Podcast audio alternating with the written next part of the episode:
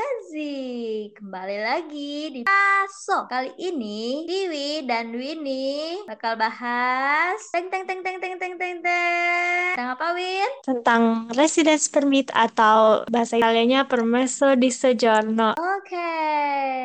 Jelasin dulu dong, permesso di soggiorno itu apa sih? Oh, oh. Nah, jadi permesso soggiorno itu berguna ketika teman-teman di sini kan intinya kalau mahasiswa itu buat belajar. Kalau uh, yang mau bekerja itu buat uh, permesonya buat bekerja gitu. Tahu aku kalau menurut ini gimana? Iya sih, jadi kurang lebih ya izin tinggal kita karena kita kan bukan ya semacam KTP sih. Jadi kayak kalau visa tuh kan biasanya berlakunya satu tahun. Nah, terus uh, meskipun kita udah punya visa, kalau misalnya setauku ya, kalau misalnya kita tinggal di luar negeri dalam jangka waktu yang cukup lama tuh kita perlu bikin izin tinggal lagi di negara tujuannya. Jadi gimana aja tahapnya nih Win? Winnie kan mau balik lagi ya ke sini kan ya. Hmm. Nah, Winnie dapat permeso belum? Nah, itu sebenarnya aku belum dapat permeso, cuman visaku masih berlaku. Dan aku udah apply, cuma belum dapat. Karena prosesnya yeah. lumayan lama juga ya, kayak berapa bulan gitu. Kalau aku sih hampir tiga bulan ada kayaknya. Iya, iya, iya.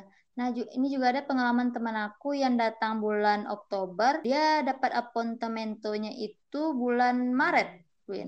Lama juga ya. Iya, lama banget itu. Lama banget. Biasanya di kota besarnya kayak di Roma. Nah, jadi buat Bulan. yang teman setelah 14 hari karantin, dalam jangka waktu 8 hari, teman-teman itu harus mengurus yang namanya permeso di Soggiorno. Yep, betul. Terus uh, dokumennya apa aja sih? Nah, aku udah ngelis nih beberapa dokumen yang harus. Nah, pertama itu teman-teman harus ke uh, post office buat ngambil kit dulu buat ngisi dulu satu jadi ya, kita datang satu. kita datang ke kantor pos terus kita bilang bilang aja mau bikin permeso permeso di sejauh ntar uh, petugas di posnya langsung ngerti kok langsung ngasih kayak amplop gitu satu bundel isinya ada modulo satu modulo dua terus ada cara-caranya juga petunjuk buat ngisi si modulo itu. Jadi modulo tuh semacam formulir buat kita ngajuin permeso gitu. Cuma emang um, semuanya bahasa Italia ya. Iya, iya, iya. Jadi pengalaman teman aku dia ke post office sentro buat ngambil ini. Sebenarnya boleh juga sih ke post office yang cabang yang kecilnya gitu. Nah, kalau buat submit dokumen baru ke post office yang sentronya yang besarnya gitu loh. Nah, yang kedua itu tahapan itu teman-teman harus ngisi kit yang udah teman ambil di uh, post office-nya itu. Terus dokumen-dokumen yang kita butuhkan adalah teng teng teng teng teng teng teng fotokopi paspor dan visa. Nah, teman-teman harus fotokopi ini dari di Indonesia lah gitu. Jadi banyak-banyak fotokopinya. Aku ke pengalaman aku kemarin Win, aku tuh Gimana? masukin satu dokumen yang asli. Hospitalita itu aku masukin yang aslinya. Jadi aku fotokopi, aku masukin juga yang asli gitu. Itu salah aku juga. Nah, tapi nggak ada dipermasalahkan sih pas di kekuesturanya. Jadi yeah. ingat ya teman-teman, fotokopi yang dimasukkan ke ya. itu fotokopi semua dokumen. Nah, pas ke post office, teman-teman bawa paspor yang asli juga. Siapa tahu mereka mau nge-scan atau apa gitu ya. Terus yang kedua itu sertifikat enrollment. Uh, aku kalau yang di Unipd itu, aku kirim foto visa aku itu ke email mereka. Dan mereka kirim uh, apa sertifikat enrollment aku buat pengurusan permeso. Terus ada juga aku lampirkan LOE Yeah. Pokoknya LOE itu yang tertulis dalam bahasa Italia itu ditujukan buat kantor imigrasi gitu. Terus mm -hmm. ketiga, satu, dua, tiga. Oke, okay. uh, itu ada hospitalita. Hospitalita ini uh, landlord yang ngurus. Ada juga kemarin ke teman aku dia ngurus sendiri. Asal ada dokumen dari landlordnya, misalnya karta identitas si landlord gitu atau hospitalita ini juga barengan sama house contract. Jadi teman-teman sebelum apa sebelum ke post of sebelum ke questura harus ada house contract dulu. Kalau enggak nanti bermasalah. Kemarin ada juga yang apontementonya itu sampai dua kali win ke questuranya. Jadi ditolak-tolak sama questura sebelum host kontraknya ada, ada mereka nggak mau memproses itu. Jadi harus hmm. ada host kontraknya. Termasuk aku pengalaman aku kemarin Win, aku yeah. dapat appointment appointmentonya itu hari Senin awal bulan Maret itu. Terus aku dapat host kontrak itu hari Jumat. Jadi aku 20 hari setelah itu baru ke Kustura lagi. Ya aku pengalaman itu pengalaman karena karena kemarin itu kan ada zona merah, zona orange. Jadi uh, apa yang pengurusan host kontrak ini memindahkan atas nama aku itu juga terlambat itu. Aku pun datangnya kan Januari, eh Desember. Pengurus uh, pas aku datang Januari itu belum bisa ngurus karena masih tutup kan. Mm-hmm. Di Februari baru selesai Maret dan uh, Maret itu pun setelah aku dari Questura gitu. Jadi pastikan uh, jadi ini bagusnya ketika teman-teman datang bulan misalnya Oktober atau September lah gitu ya, dapat host kontrak dulu. Terus nanti kalau misalnya dapat apontementonya bulan Februari atau bulan Maret kayak aku itu bisa santai juga karena host kontraknya udah ada gitu. Nah, hmm. terus ada sebenarnya uh, lagi. Hmm? Bentar-bentar, kalau aku tuh waktu itu harusnya kan di ketentuannya 8 hari setelah tiba ya kita langsung apply permeso. Sedangkan kan ini kondisinya lagi COVID tuh. Jadi kita 14 hari karantina mandiri dulu baru uh, bisa apply permeso. Nah, cuman aku tuh kemarin waktu pas aku datang, jadi aku datangnya tanggal 24 Februari. Nah, cuman aku tuh nggak pengen kejadian kayak kamu gitu bolak-balik ke Questura, makanya aku uh, coba lengkapin dulu dokumennya. Kayak aku nunggu dulu uh, kontrak yang dari uh, apa sih landlord aku. Baru aku ke kantor pos untuk minta kit permeso itu karena aku nggak mau bolak-balik gitu. Yeah. jadi aku baru apply jadi aku baru apply permeso itu tanggal 24 Maret. Jadi baru ngasihin lagi ke posnya tanggal 24 Maret yang itu satu bulan gitu setelah aku nyampe. Tapi untungnya nggak kenapa-napa juga sih. Tapi ya sebaiknya ya emang on time. Iya.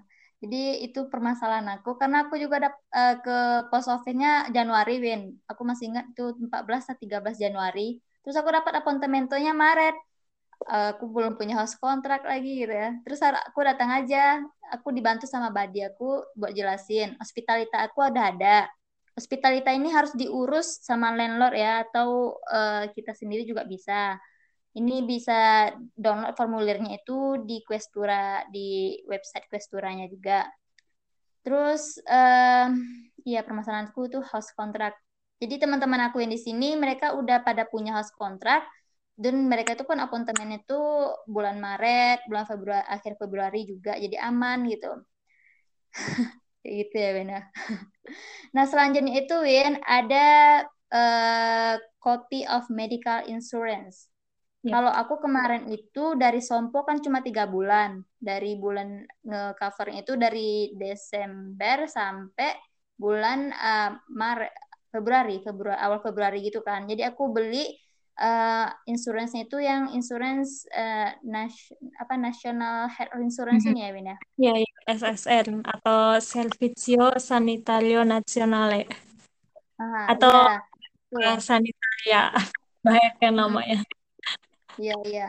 Nah, ini nih juga wajib nih teman-teman. Soalnya kan rata-rata ampuntamento itu setelah uh, apa setelah misalnya itu setelah Desember lah gitu. Tapi kalau misalnya pas bulan Desember pun uh, pas misalnya itu kalau misalnya sebelum tahun baru ya Win ya kayaknya nggak berlaku juga ke ini kita insurance kita yang dari Indonesia itu. Soalnya mereka minta itu minta yang insurance mereka gitu. Hmm. yang dari yang sini.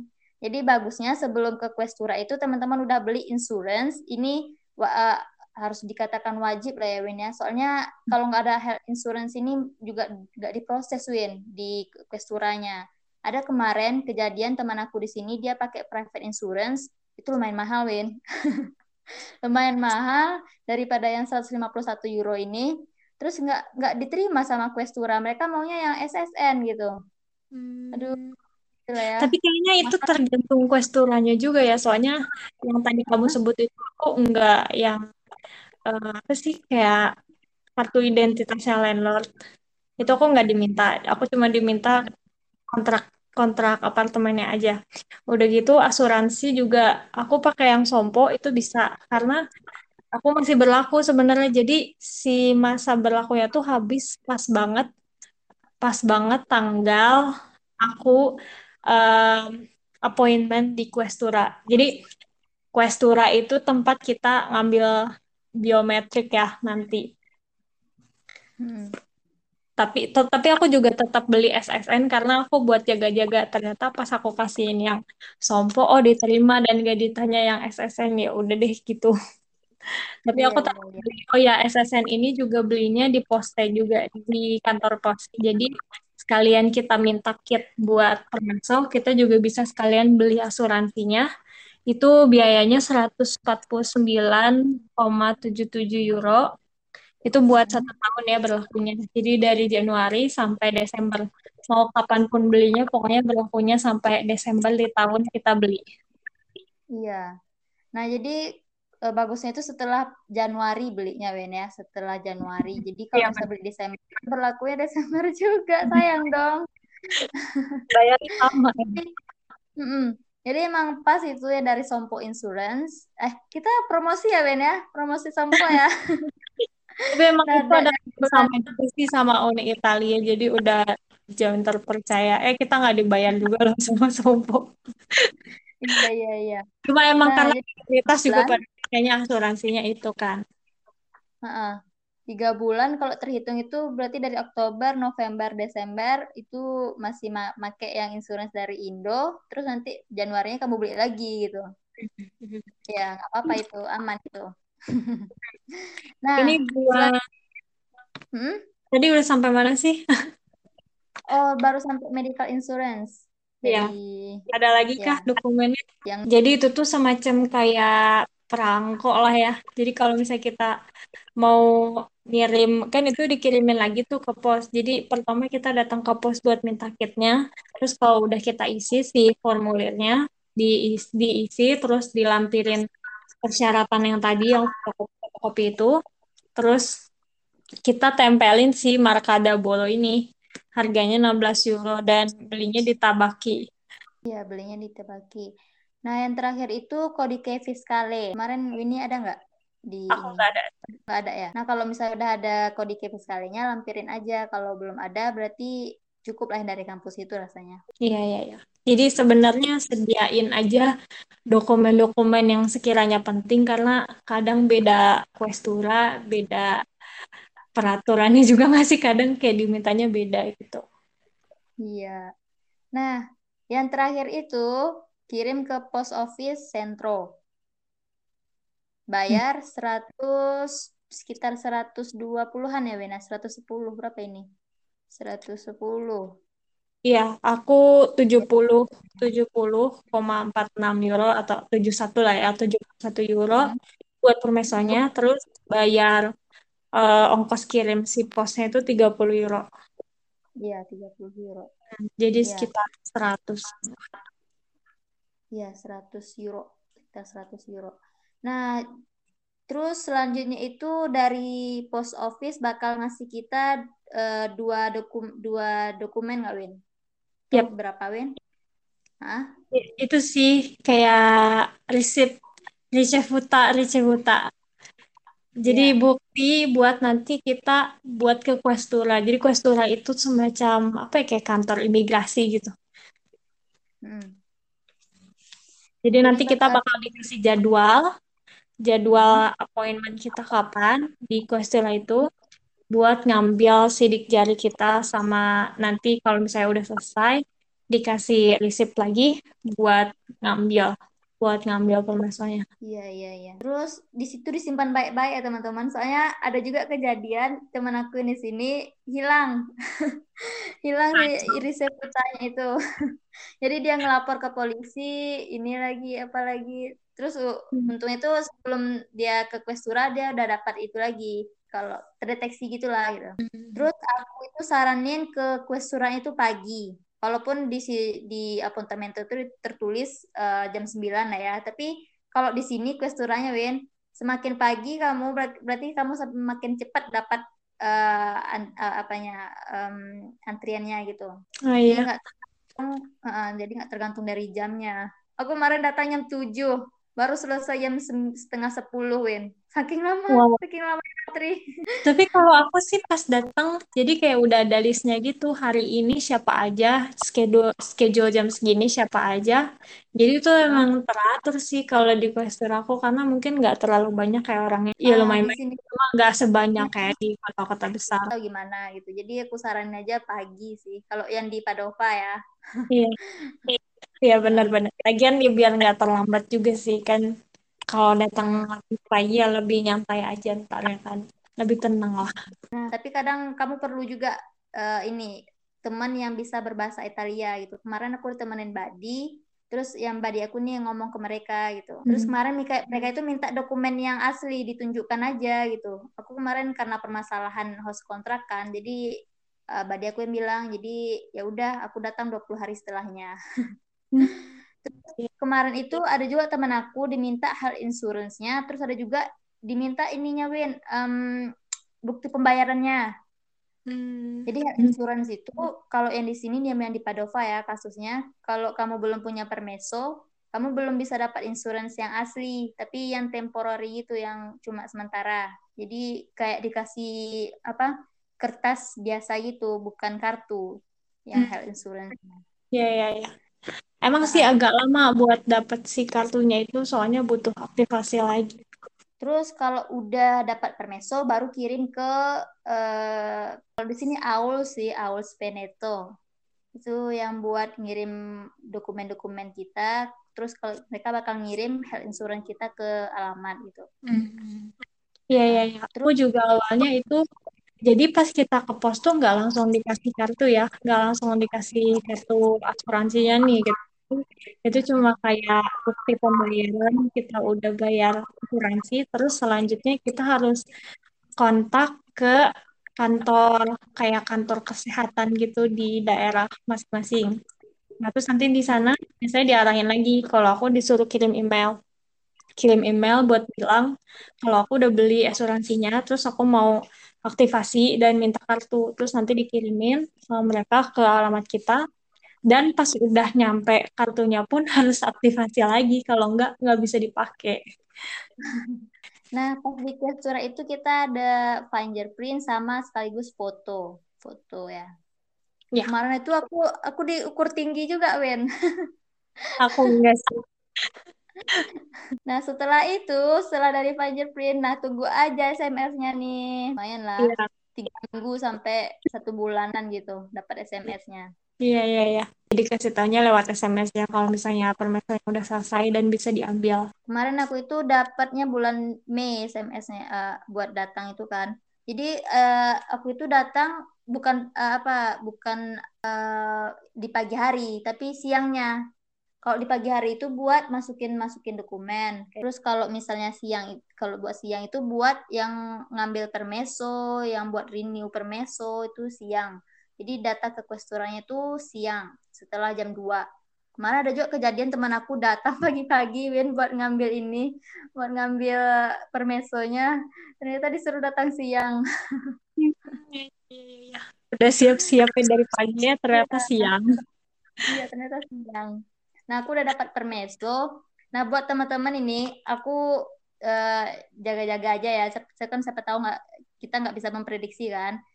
Kemarin ada teman aku yang hilang permesonya, paspornya, health insurance-nya, semua kartu-kartunya di dalam dompet. Jadi aku saranin kalau teman-teman udah punya permeso, bawa permeso aja, jangan bawa paspor dan segala-segalanya itu. Hmm. Soalnya kayak susah gitu ngurusnya Win. Kalau ke Questura lagi, dia kemarin itu bayar tas 100 euro, seratusan euro lagi. Hmm. Dia eh, permesonya hilang, kartu permesonya ini yang hilang. Hmm. Dia belum lagi yang buat ini, buat apa? Buat paspornya lagi. Jadi kalau teman-teman udah dapat permeso, itu aku saranin uh, paspornya itu dijaga baik-baik gitu. Karena kita di negara ya. orang kan. Iya benar-benar hati-hati banget ya, ya ampun. Emang sih kayak kayak hati di mana pun karena ya penjahat emang ada di mana-mana apalagi di kota besar ya.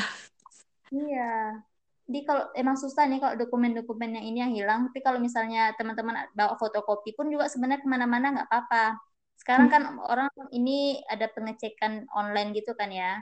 Kayak ada ini foto aja permesonya tunjukin yeah, ini. Buat jaga-jaga aja sih. Aku udah parno gitu kan. Soalnya kayak bayar lagi loh. Dan ngurus itu susah hmm. buat jelasin ke mereka lagi gitu. Iya, gitu, udah bayar lagi, nunggu lama lagi kan. Oke. Okay. Oke. Okay. Uh, Oke, okay. mungkin segini dulu dari kami, Tiwi dan Mini, tentang Permesa di Sojorno. Kalau teman-teman punya pertanyaan seputar kuliah di Italia atau ingin tahu tentang apa pun, bisa DM ke Instagram kita ya, PPI, PPI Italia. Oke? Okay? So, segini dulu. Ciao ragazzi. Dan sampai ketemu di podcast selanjutnya. Ciao. Ciao. David.